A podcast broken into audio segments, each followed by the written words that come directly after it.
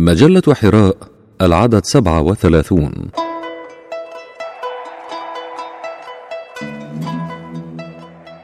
الافتتاحية نصف الجنون.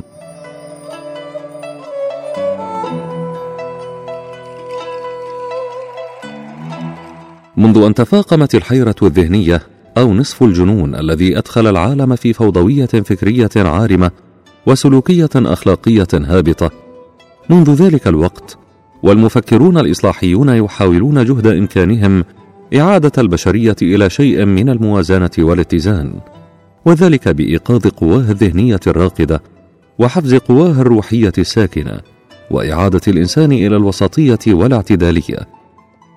هذا الإنسان الذي تعتصره الحيرة وتذهب به بعيدا في شطط من القول وشطط من الفعل والموازنة بين جانبيه المادي والإلهي.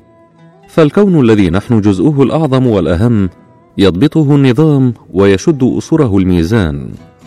وهذا هو ما يعالجه الأستاذ محمد فتح الله جولن في مقاله الافتتاحي المعنون بمن الفوضى إلى النظام. ثم ونحن نقلب صفحات حراء يطالعنا عصام أحمد البشير في مقاله القيم عن أثر الشباب الناهض في صناعة مستقبل أممهم. غير أنه لا ينسى أن يذكرنا ببعض الأزمات والمعوقات التي كثيرا ما تعترض طريقهم في مشاريعهم النهضوية. ثم يعود ليربط ذلك كله بمفهوم الأمن القومي الذي يرى الكاتب أن الشباب يمثلون الجانب الأكبر من جوانب هذا الأمن. صفحة مترعة بالمشاعر ومفعمة بالأحاسيس يسطرها قلم محمد بابا عمي في حبيبتي يا زهرة اللالة. وهي تنم عن جمالية نفس الكاتب وتحسسه لمكامن الجمال في الحياة والطبيعة. وعن ذات الرقبة الطويلة يكتب عرفان يلمز بحثا علميا عن رقبة الزرافة وطولها. وعن سر ذلك وأهميته في إعانتها على التأقلم مع الحياة الطبيعية التي تعيش فيها. وإذا كانت قوة عملة أي دولة دليلا على قوة هذه الدولة ومكانتها بين الدول فبركات محمد مراد يكتب عن سك العملة في الحضارة الإسلامية ومدلولات ذلك من الناحية الثقافية والحضارية والسياسية لأمم الإسلام. وأما أحمد مختار مكي فقد كتب يذكرنا بأهمية القصص الهادفة في ترسيخ القيم والمثل الأخلاقية والسلوكية عند الأطفال وأهمية ذلك في غرس هذه القيم في نفوسهم بشكل قصصي ممتع.